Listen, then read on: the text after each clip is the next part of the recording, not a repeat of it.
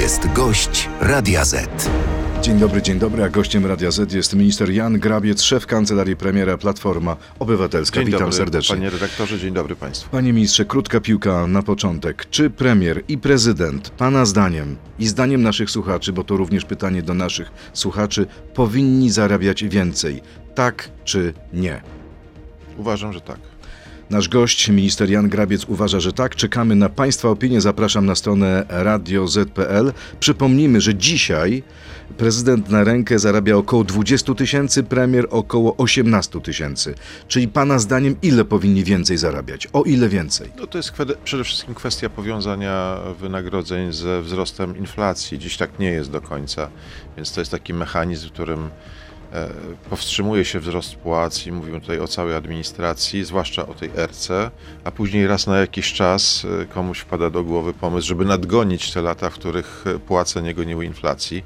Ale ja powiem szczerze, jest wiele miejsc, gdzie płace trzeba obniżyć w administracji. Na przykład. Na, na, na przykład system wynagradzania w prokuraturze krajowej, gdzie prokuratorzy są w stanie, łącząc pensje prokuratorów, ale pracując w jednym miejscu, dostawać nawet 60 tysięcy miesięcznie. To Czyli trzy mówiąc- razy więcej niż premier i prezydent. No tak, i w miesiąc zarabiają tyle, ile nauczyciel początkujący w rok, więc to tak wygląda ta proporcja. A to nie jest próba zdrowa. rewanżu wobec obecnego składu prokuratury krajowej i pana Barskiego? Nie, to jest bardziej próba wskazania na to, dlaczego tak kurczowo współpracownicy ministra Ziobry, jego koledzy, czy partyjni, czy, czy e, towarzyscy, tak się mocno trzymają stanowisk. Pana zdaniem e, zostanie użyta policja do tego, żeby wyprowadzić prokuratora Barskiego z prokuratury krajowej, czy nie?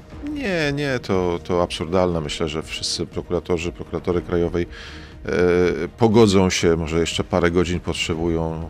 I odejdą? Kilka dni i dostosują się do decyzji prokuratora generalnego i pełniącego obowiązki prokuratora krajowego. Widać już, że z dnia na dzień ten poziom emocji takiego twardego trzymania się stołków opada. Skruszycie ten protest? Skruszycie ten bunt?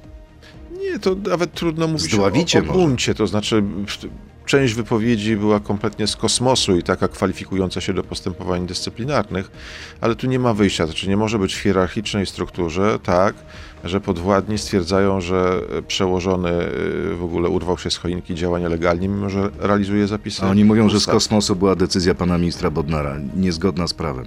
No ja wiem, bo oni przez 4 lata ostatnio starali się zabetonować swoje stanowiska i wydawało się im, że to zrobili, ale tylko im się wydawało. A propos podwyżek, urzędnicy rządowi otrzymają w świetle nowej ustawy okołobudżetowej podwyżki 20%? Urzędnicy Kancelarii Sejmu i Kancelarii Senatu.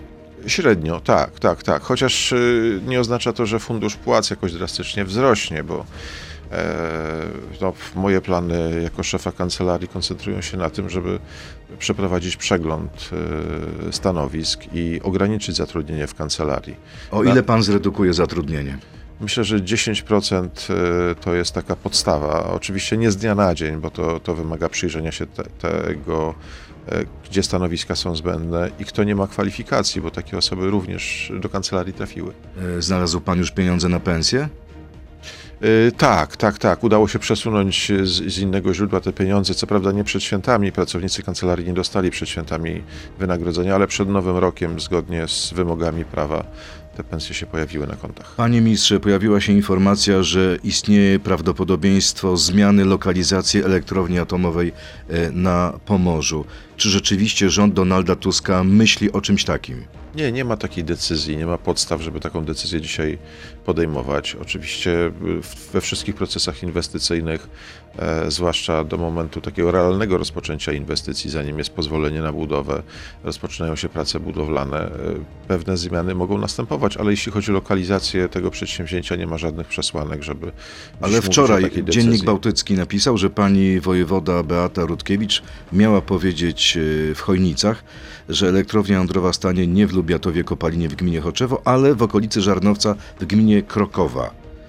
Y, Pani wojewoda uczestniczyła w spotkaniu, w którym samorządowcy wyrażali takie opinie, wiadomo, bezpośrednio zainteresowani tym, gdzie e, elektrownia będzie zlokalizowana, e, ale ona wprost jakby doprecyzowała swoją wypowiedź w oświadczeniu wczoraj i potwierdziła, że reprezentuje rząd i że nie ma żadnych przesłanek, żeby mówić dzisiaj o Ale w tym oświadczeniu jest też stwierdzenie, że będziemy się przyglądać i przeanalizujemy decyzję środowiskową, czyli może Nie, być to, problem. To jest naturalny proces, bo wpływa mnóstwo skarg na tę decyzję. Ja znam Kopalino, Lubiatowo i te okolice.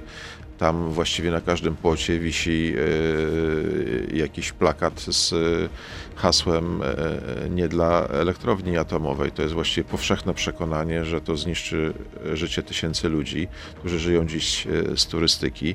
I oczywiście tego rodzaju głosów nie można nie brać pod uwagę, co nie znaczy, że jakby projekt jest przekreślony, wręcz przeciwnie, elektrownia atomowa jest w Polsce potrzebna, to nie ulega wątpliwości, a o względach tych ludzkich, no nie można o tym zapomnieć, znaczy to nie można wywrócić ludziom życia do góry nogami i powiedzieć sorry, no taka decyzja zapadła, musicie się z tym pogodzić, że e, z okien widzicie e, kominy elektrowni atomowej. Były wicepremier Jacek Sasin twierdzi, że gdyby doszło do zmiany lokalizacji, to, byłaby, to byłoby wysadzenie kluczowego projektu dla bezpieczeństwa energetycznego Polski i wszelkie obstrukcje w tym zakresie to gra ramię w ramię z Putinem.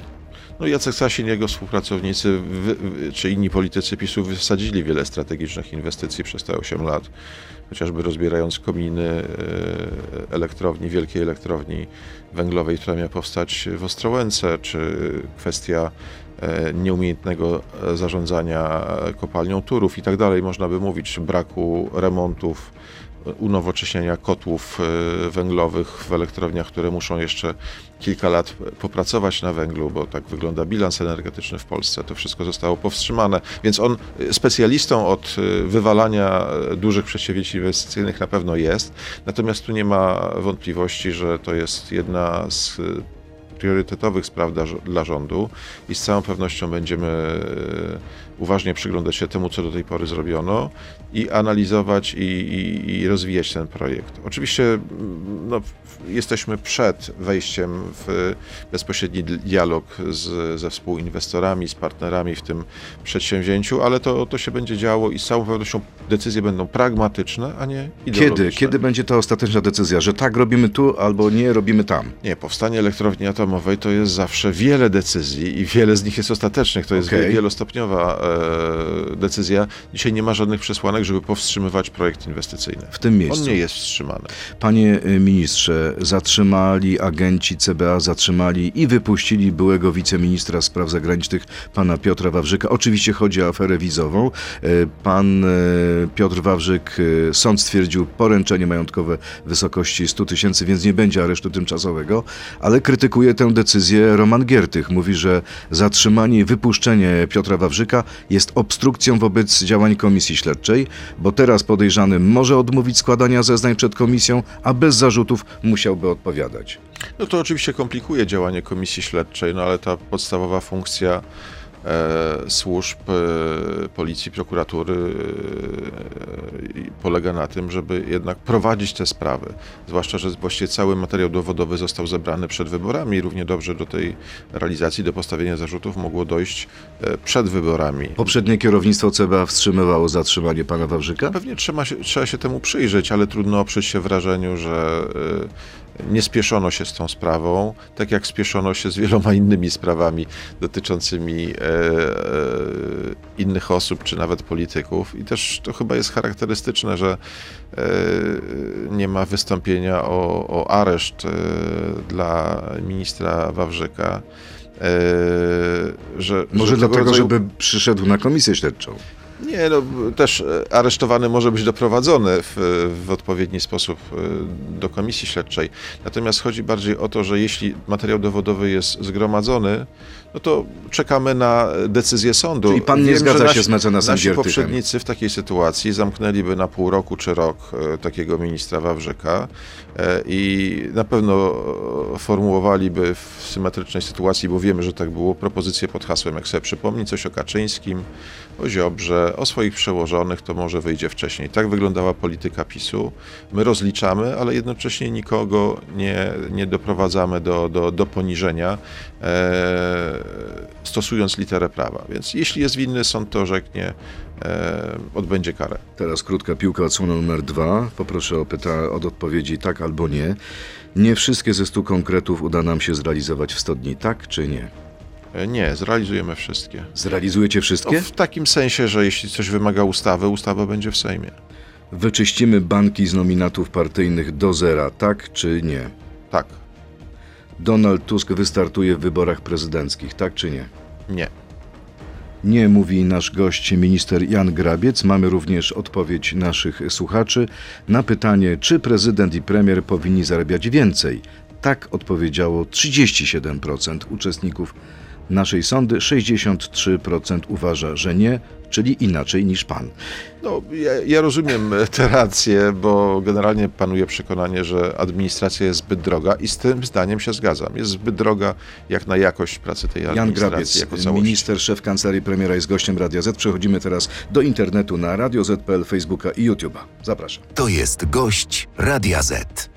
A wracając do Romana Giertycha, panie ministrze, ma być szefem takiego zespołu, który mają, ma się zająć rozliczeniami Prawa i Sprawiedliwości. Co konkretnie będzie robił?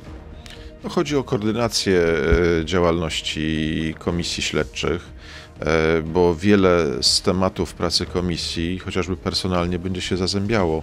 E, Ale on będzie Roman- takim nadministrem do spraw rozliczeń? No, mówi pan o funkcjach, ale ka- każde systemowe działanie wymaga koordynacji. Roman Giertych z racji doświadczenia zawodowego i znajomości też bohaterów tych afer, chociażby z czasów, kiedy pełnił funkcję wicepremiera w rządzie Jarosława Kaczyńskiego, świetnie się do tego nadaje. A nie sądzi pan, że trochę emocje tutaj będą brały górę? Nie, myślę, że nie. No, znaczy- Niektórzy mówią, że mecenas Giertych dyszy rządzą zemsty, no tak, ale te wszystkie e, bo sam e- przecież emocje... miał zarzuty przy poprzedniej władzy. e, Próbowano mu postawić zarzuty. Emocje największe są wśród naszych wyborców w społeczeństwie i naprawdę jedną z pierwszych rzeczy, których nasi wyborcy od nas oczekiwali, to rozliczenie, uczciwe Czyli co? rozliczenie. Lud platformerski pragnie krwi? Pragnie rozliczenia, bo władza wtedy ma legitymację społeczną, kiedy jakieś minimalne poczucie sprawiedliwości jest podzielane przez tych, którzy wykonują zadania powierzone przez wyborców, którzy są politykami, e, e, a kiedy to poczucie sprawiedliwości się narusza, na przykład przez opieszałość w wyjaśnianiu afer, albo wręcz e, niepodejmowanie ich rozliczeń, tak jak to było za czasów PiSu, to po prostu pęka ta nić porozumienia pomiędzy wyborcami, a, a, a tymi wyłonionymi reprezentantami, więc no, do tego nie możemy dopuścić. Ludzie oczekują rozliczenia, nie zemsty, ale rozliczenia i to nastąpi. Jak pan ocenia ofertę mediacji episkopatu? Arcybiskup Gondecki zobowiązał się na prośbę panów Kamińskiego i Wąsika do podjęcia interwencji w ich sprawie u pana ministra Bodnara. Jednocześnie zaapelował do obu panów, żeby przerwali protest głodowy. No tak, ten apel o przerwanie protestu głodowego, taki humanitarny, jest oczywiście e, zrozumiały. E, Natomiast co do procedury ułaskawieniowej, ja myślę, że e, ksiądz biskup ma świadomość, że ułaskawienie jest jednak domeną prezydenta. E, No tak, ale to pan przesłanek. minister Bodnar może podjąć decyzję o zwolnieniu. może gdyby, Jeszcze przed zakończeniem tak, procedury. może podjąć taką decyzję, gdyby były przesłanki ustawowe. Ich dzisiaj nie ma. Literalne brzmienie tego przepisu e, w, w jego obecnym kształcie nie daje podstaw właściwie prokuratorowi generalnemu do zwolnienia e, panów Wąsika i Kamińskiego w tym momencie. Czyli co, Natomiast- będą siedzieć przez y, kolejne miesiące? E, Przez dwa miesiące? Bo niektórzy mówią, że to może potrwać dwa, trzy miesiące. Myślę, że większość Polaków oczekiwałaby, że odbędą karę do końca, przynajmniej zgodnie z regułami e, obowiązującymi w odbywaniu kar. Natomiast e, widać, że działania pana prokuratora Bodnara nie zmierzają do tego, żeby wykorzystać maksymalnie długą ścieżkę podejmowania decyzji i że deklaruje, że jest gotów przekazać dokumentację panu prezydentowi w celu podjęcia decyzji o ułaskawieniu. Wczoraj- My nie kwestionujemy uprawnienia prezydenta do ułaskawienia. Jeśli prezydent Andrzej Duda podejmie taką decyzję jutro, za tydzień, za dwa tygodnie, to ona rzeczywiście będzie wprowadzona w życie. Ale co innego mówi prezydent. Wczoraj w Davos jeszcze raz powtórzył swój apel do pana ministra Bodnara. Powiedział, poinformował, że pan Mariusz Kamiński e, jest przymusowo dokarmiany już, bo taką, a nie inną ma kondycję zdrowotną. I mówi tak, e, pan prezydent, minister Bodnar powinien zastanowić się nad sobą i nad tym, co robi. Y, wyraźnie dał do zrozumienia, że to w rękach pana ministra Bodnara jest w tej chwili los panów Kamińskiego i Ja Wąsika. rozumiem, że pan prezydent ma problem z tym ułaskawieniem, miał problem z tym pierwszą próbą ułaskawienia, teraz ma problem z drugą, ale to naprawdę konstytucja mówi jednoznacznie, że on ułaskawia. Natomiast co do sytuacji więźniów, no, y, mamy zapewnienia e, Straży Więziennej, przecież do niedawna nadzorowanej przez polityków z klubu PiSu, że e, włos z głowy nie spadnie e, więźniom. Gdyby przyjąć taką zasadę, że każdy głodujący jest wypuszczany, no to mielibyśmy tysiące głodujących w polskich więzieniach.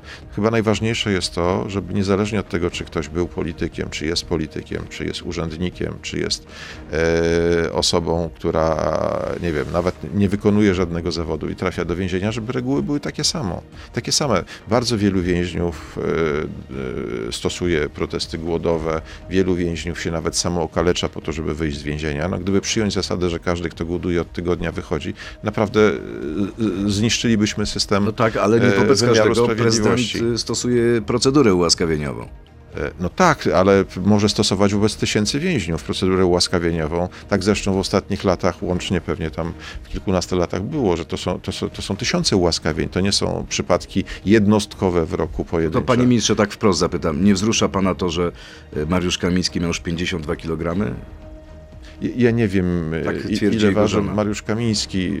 Słyszałem zapewnienia służby więziennej, że lekarze opiekują się jego zdrowiem. Natomiast no, rz- rzeczywiście, no, gdyby uznać, że to jest podstawa do wypuszczenia z więzienia osoby skazanej prawomocnym wyrokiem, e, no to nie pozbieralibyśmy się, jeśli chodzi o wymiar sprawiedliwości. Pan prezydent w każdej chwili, nawet dzisiaj, może ułaskawić. E, Mam wrażenie, że trochę to wygląda na przerzucanie, przepraszam, gorącego kartofla. Nie, nie. Pan minister Bodnar mówi, panie prezydencie, niech pan ułaskawi. Nie, ale pan nie ma- prezydent mówi, panie ministrze, niech pan to zrobi. Tu, tu nie ma żadnej symetrii. Prezydent zwracając się e, do prokuratora generalnego oparł się na przepisie, który mówi wyraźnie, że prokurator generalny w sytuacji, kiedy bliskie jest ułaskawienie, kiedy jest, e, kończy się odbywanie kary, może podjąć szczególną decyzję o przerwaniu wykonywania Tylko czy to jest kary. warunek, czy tam jest stwierdzenie zwłaszcza wtedy? Zwłaszcza. No właśnie. E, Ale to, ten przepis jednoznacznie wskazuje na, na intencję. Gdyby pan prezydent chciał szybko ułaskawić panów Kamińskiego i Wojsika, może zrobić to w każdej chwili, bo ta mowa o tym szybkim ułaskawieniu jest elementem konstytutywnym tego, ale ja nie chcę stoczyć sporu prawnego, bo istota polega Okej. na tym, że prokurator generalny nie ułaskawia. Ułaskawia prezydent. Jeśli pan prezydent ma problem z tym aktem, no to on powinien wytłumaczyć Tak. i, e, i żonom, żonom e, Tylko pan minister Bodnar ma prawo PiSu, zwolnić dlaczego tak z robi. więzienia w czasie procedury ułaskawieniowej. E, ma prawo zarządzić na chwilę Tak jest. przerwę w wykonywaniu Tak jest. kali, ale tylko przerwę. No, to zarządzenie tej przerwy oznacza, że w każdej chwili pan Kamiński i Wąsik mogą wrócić jasne. do odbywania kary, więc nie, nie, nie bawmy się w ciuciu babkę. Jeśli e, prezydent uważa, że oni nie powinni odbywać kary więzienia, że powinni być e, ułaskawieni, to musi to zrobić. No, nie da się tego e, schwycić.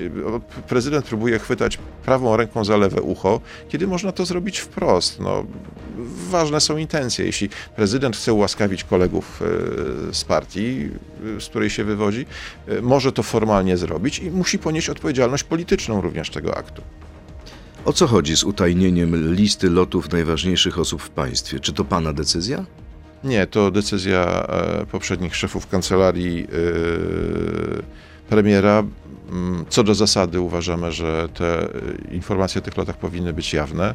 Nam się pojawiła argumentacja dotycząca sytuacji za wschodnią granicą i pewnych działań dyplomatycznych podejmowanych przez, przez polski rząd czy prezydenta, ale myślę, że będziemy w stanie w ciągu najbliższych godzin, najbliższych dni oddzielić te przedsięwzięcia, które ze względu na interes państwa, bezpieczeństwo e, państwa powinny być, e, do których dostęp powinien być ograniczony, ale z całą pewnością codzienne loty, wykonywanie obowiązków e, przez prezydenta, premiera czy marszałków. Czyli dziennikarze być otrzymają wgląd w to, jak lata prezydent i jak lata Taka premier. jest moja intencja, poprosiłem o... Nie będzie tutaj żadnej strzeżonej tajemnicy. Jeśli chodzi o zwykłe loty, wykonywanie obowiązków. A co to nie. znaczy niezwykłe loty? No, niezwykle mówimy tutaj o kwestiach bezpieczeństwa. No, tam, gdzie w grę wchodzą Czyli co, na przykład pre, y, premier Tusk chciałby jechać na Ukrainę i wtedy taki lot nie byłby odnotowany, tak? Czy dobrze rozumiem? E, Te loty, wszystkie loty są odnotowywane. Natomiast e, ja nie chcę mówić o szczegółach, bo mm, prezydentowi czy premierowi towarzyszą różne osoby. Nie zawsze są to obywatele polscy, czasem są to osoby, których pobyt e, powinien zostać niejawny z, po, z pobudek Czyli na przykład- obiektywnych, a nie dlatego, Wiemy że to o co jest chodzi. Panie ktoś ministrze, nieuprawniony. e, w dużej mierze e, podróż do Kijowa rozpoczyna się w Rzeszowie. Tak? I naj, najprawdopodobniej jest to robione często po prostu e, koleją. Rozumiem, że chodzi o to, żeby nie było informacji o tym, kto na przykład z przywódców zachodnich przylatuje do Polski i e, jedzie do Kijowa. O to chodzi? Między innymi tego rodzaju sytuacje, ale to jest naprawdę niewielki procent y, tych lotów, które są w systemie odnotowywane. Dysponujemy rejestrem tych lotów, także po przeglądzie sytuacji, żeby nie wyleć dziecka z kąpielą, oczywiście udostępnimy wszystkie dane, bo zasada jest taka, jak za coś płacą podatnicy, to mają prawo wiedzieć, za co płacą i, i będziemy tej zasady Czyli przestrzegać. tu nie chodzi, mm, jak na przykład niektórzy spekulują, ukrywanie lotów Donalda Tuska z Gdańska do Warszawy. Nie, nie, te, te loty jesteśmy w stanie odtajnić w ciągu najbliższych godzin, tu, tu nie, nie ulega wątpliwości. Y, Był do Gdańska to premier nie latał e, w ogóle, więc w tym sensie nie ma czego y, odtajniać. E, Natomiast y, jeśli chodzi o samą decyzję podjętą w kancelarii premiera, charakterystyczne jest to, że podpisał tę decyzję o utajnieniu pan minister Kuchciński. I pan tę e, decyzję anuluje. Ja tą decyzję zmienię z całą pewnością. Znamy historię byłego marszałka Kuchcińskiego, jego historię z lotami. Myślę, że osobiste doświadczenie e, polityczne związane z nadużywaniem samolotów mogły stać za tą decyzją, a nie względy dotyczące bezpieczeństwa państwa. Panie ministrze, czy jest już decyzja co z zerowym VAT-em na żywność? Czy, czy ta, ten przepis zostanie przedłużony na kolejne półrocze? Decyzja będzie podjęta przez rząd wtedy, kiedy będzie no, aktualna ocena sytuacji budżetowej i, e, i sytuacji rynkowej, ale dzisiaj nie ma żadnych prac polegających na zamiarze e, podwyższenia VAT-u, więc e, ten temat nie jest tematem obrad rządu. Czyli na dzisiaj raczej utrzymacie zerowy VAT? Na dzisiaj nie ma decyzji o zmianach obecnej sytuacji. Okej. Donald Tusk zapowiedział wczoraj, że władza już wkrótce zrobi porządek w Narodowym Banku Polskim. Co to oznacza? Co znaczą te słowa premiera? Porządek w Narodowym Banku Polskim jest bardzo ważny, bo w końcu chodzi o kondycję e, złotówki. Ale i pan, i, i ja wiemy, że nie zarządza tam premier Tusk, tylko prezes Glapiński. nie zarządza. Jak chce zrobić to premier Tusk? Ale to nie jest tak, że jak ktoś został powołany na jakieś stanowisko, e, to nie podlega żadnemu nadzorowi, żadnej kontroli, czy chociażby przepisom prawa. Przepisy prawa mówią o uprawnieniach na przykład Sejmu, jeśli chodzi o e, kontrolowanie działania, nawet tych świętych krów, jak się mówi, czyli tych instytucji, które są w sposób szczególny w Konstytucji chronione przed ingerencją na przykład To władzy chyba dobrze. wykonawczej. Sejm ma Że jest taka instytucja Oczy- niezależna. Oczywiście, że tak. To jest wa- warunek e, funkcjonowania tej, tej, tego systemu, e, tego modelu demokracji, w którym jesteśmy. Ale jednocześnie Sejm ma pewne uprawnienia w tym zakresie, e, więc premier Tusk jako przewodniczący e, największej partii koalicyjnej też ma w tej sprawie coś do powiedzenia. Ale i co to uważamy- konkretnie znaczy? Panie ministrze, czy to jest powrót do myśli e, o tym, żeby postawić prezesa Glapińskiego przed Trybunałem Stanu? Od tej myśli nigdy nie odeszliśmy, tak wyglądały deklaracje, więc tutaj nie ma, nie było decyzji o tym, że, że takich prac nie będziemy prowadzić. Mogę powiedzieć, że prawdę mówiąc, że ostatnie groźby dotyczące możliwości zdestabilizowania przez Narodowy Bank Polski, przez e, pana Glapińskiego sytuacji gospodarczej w Polsce, e, no, byłyby, gdyby te groźby miały zostać spełnione, jedną z przesłanek do postępowania właśnie przed Trybunałem Stanu. O czym konkretnie pan myśli? O jakich groźbach? No, pojawiły się informacje o tym, że rozważane przez e, prezesa Glapińskiego jest wypuszczenie na rynek naraz setek miliardów e, złotych w postaci obligacji, zdestabilizowanie kursu złotego i, i zachwianie jakby sytuacją gospodarczą. Wiadomo, że dla eksporterów, importerów stabilny kurs złotego ma kluczowe znaczenie. Byłoby to oczywiście działanie wrogie wobec nie tylko funkcjonowania rządu, ale wobec interesów polskiego państwa i z całą pewnością powinno podlegać ocenie prawnej. To są informacje medialne, czy ma pan informacje na przykład y, ze źródeł w Narodowym Banku Polskim, czy że tak rzeczywiście pan prezes Glapiński zamierza zrobić? No, pan prezes Glapiński jest przede wszystkim politykiem. E, Politycy czasem używają e, informacji wypuszczonych do mediów po to, żeby przekazać nieoficjalnie swoje stanowisko. E, Tak może być w tym przypadku? Myślę, że pan prezes Glapiński powinien wyjaśnić tę sytuację i zdementować te pogłoski. Byłoby dla wszy- wszystkich oczywiste, że taka sytuacja nie wchodzi w grę w interesie no, głównego zadania kursu złotego, e, za które odpowiada mm, Narodowy Bank Polski, e, Rada Polityki Pieniężnej. Taka wypowiedź dementująca całkowicie możliwość takiego działania, myślę, że jest potrzebna. Teraz pora na serię pytań od naszych słuchaczy. Kto dał waszej koalicjance z Zielonych, pani wiceminister Urszuli Zielińskiej, pozwolenie, aby na arenie Unii Europejskiej opowiadać, że trzeba podnieść redukcję emisji gazów do 90% już w 2040? Czy chcecie zrujnować polską gospodarkę i wprowadzić Polaków w biedę?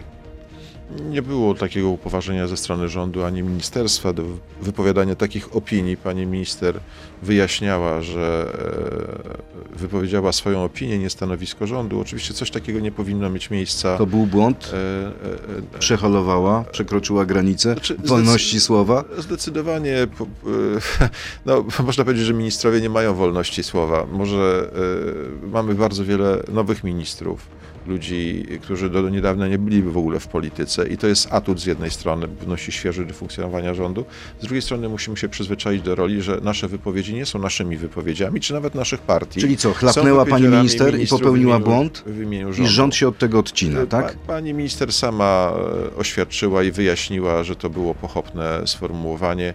E, Stanowisko rządu jest inne w tej sprawie i, i ma świadomość, że musi reprezentować stanowisko rządu. Panie ministrze, kolejne pytanie. Dlaczego pomimo obietnic stworzyliście najliczniejszy rząd w ostatnich trzech dekadach?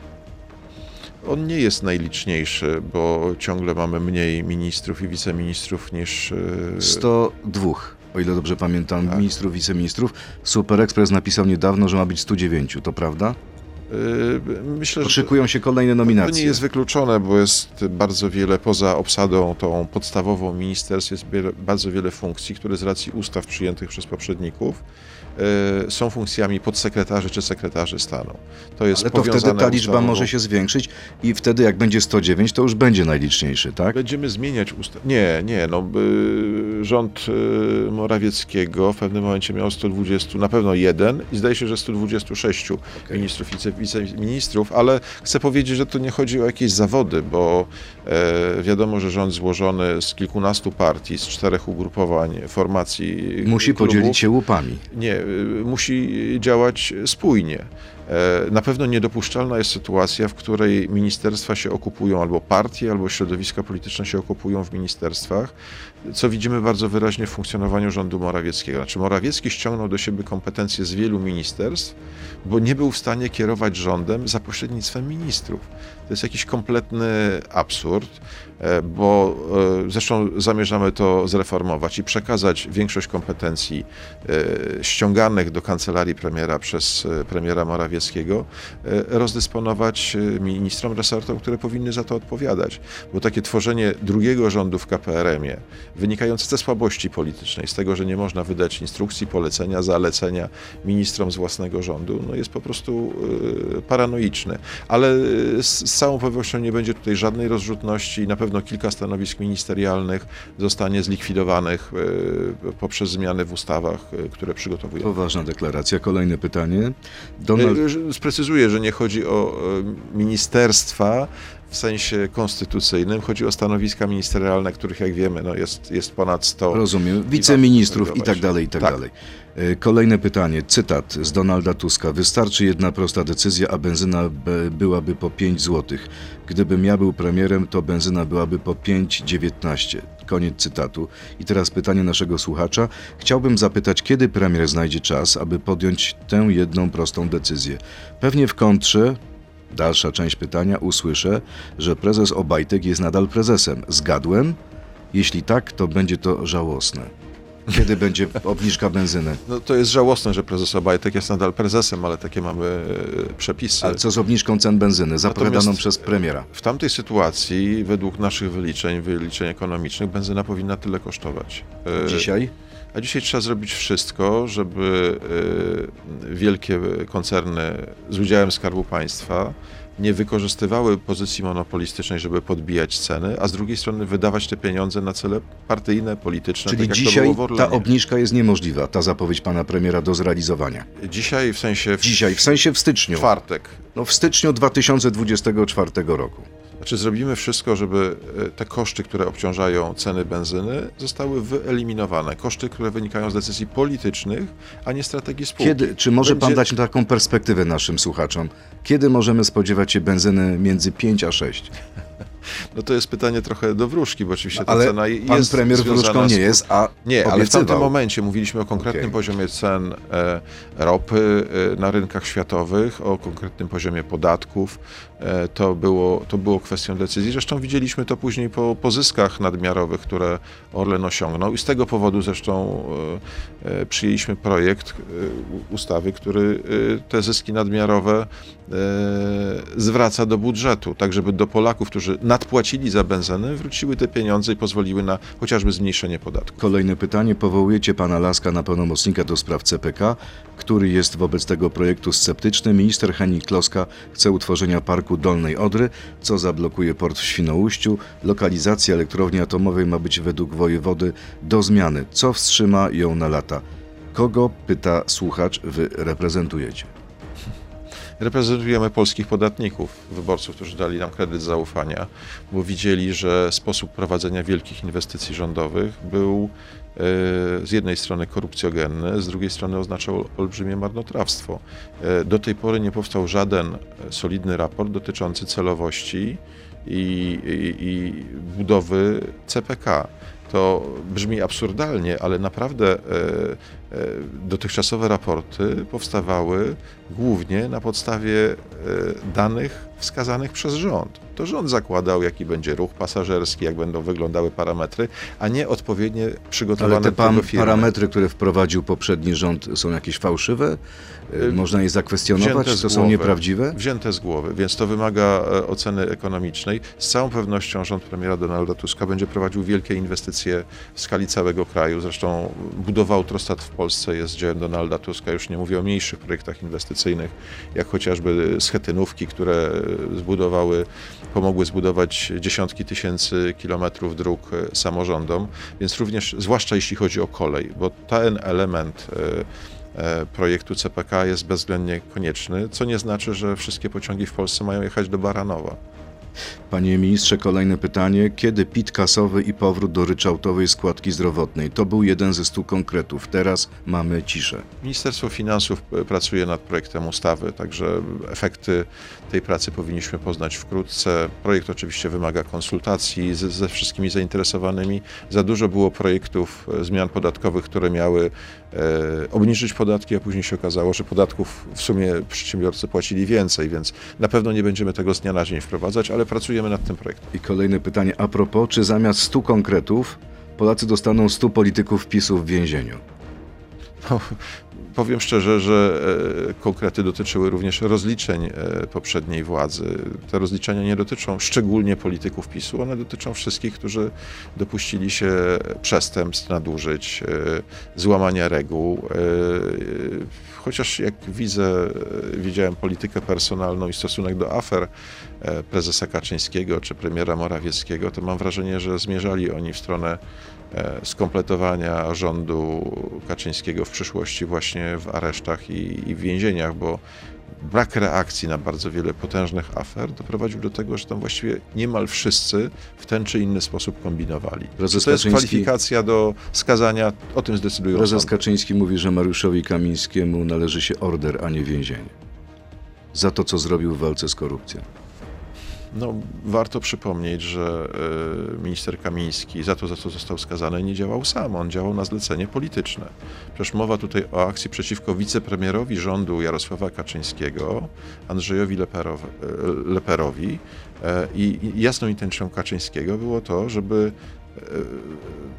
pozbawić możliwości działania w życiu publicznym Andrzeja Lepera, przejąć jego posłów. To był cel polityczny, który dostał Kamiński i Wąsik. Oni nie działali e, według własnego widzimisię. To było zlecenie polityczne. Nic dziwnego, że Jarosław Kaczyński chciałby dać za to order, chociaż zważywszy na nieskuteczność tej akcji, kompromitację CBA i obu ministrów, którzy y, fabrykowali dokumenty o przestępstwie, którego nie było, a później wszystko odkrył wójt y, gminy wiejskiej, przejrzał y, skomplikowaną akcję służb i rządu po prostu na podstawie jednego dokumentu i zdekonspirował całą akcję, bo ktoś podrabiał jego dokumenty, jego gminy, więc Ale wie pan, że- cała ta akcja była po prostu na zlecenie po- polityczne, partyjne, służyła wyłącznie interesom partyjnym i Jarosław Kaczyński, który utożsamia, że Polska to partia, to PiS i coś, co służy y, partii, nawet jeśli jest sprzeczne z prawem, ma służyć Polsce w jego, jak on mówi narodowy, to ma na myśli pisowski. Jeszcze kilka Więc pytań. w tym sensie order z ziemniaka od PiSu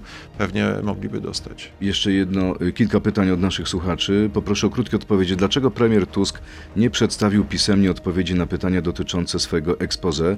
Tylko proszę, bez wykrętów, to już nie te czasy, gdzie zwykły obywatel nie może sięgnąć do archiwalnych materiałów i zweryfikować obietnice. Przedstawił te pytania, są skierowane do Sejmu i trafiają do posłów. Czyli słuchacz nie ma racji.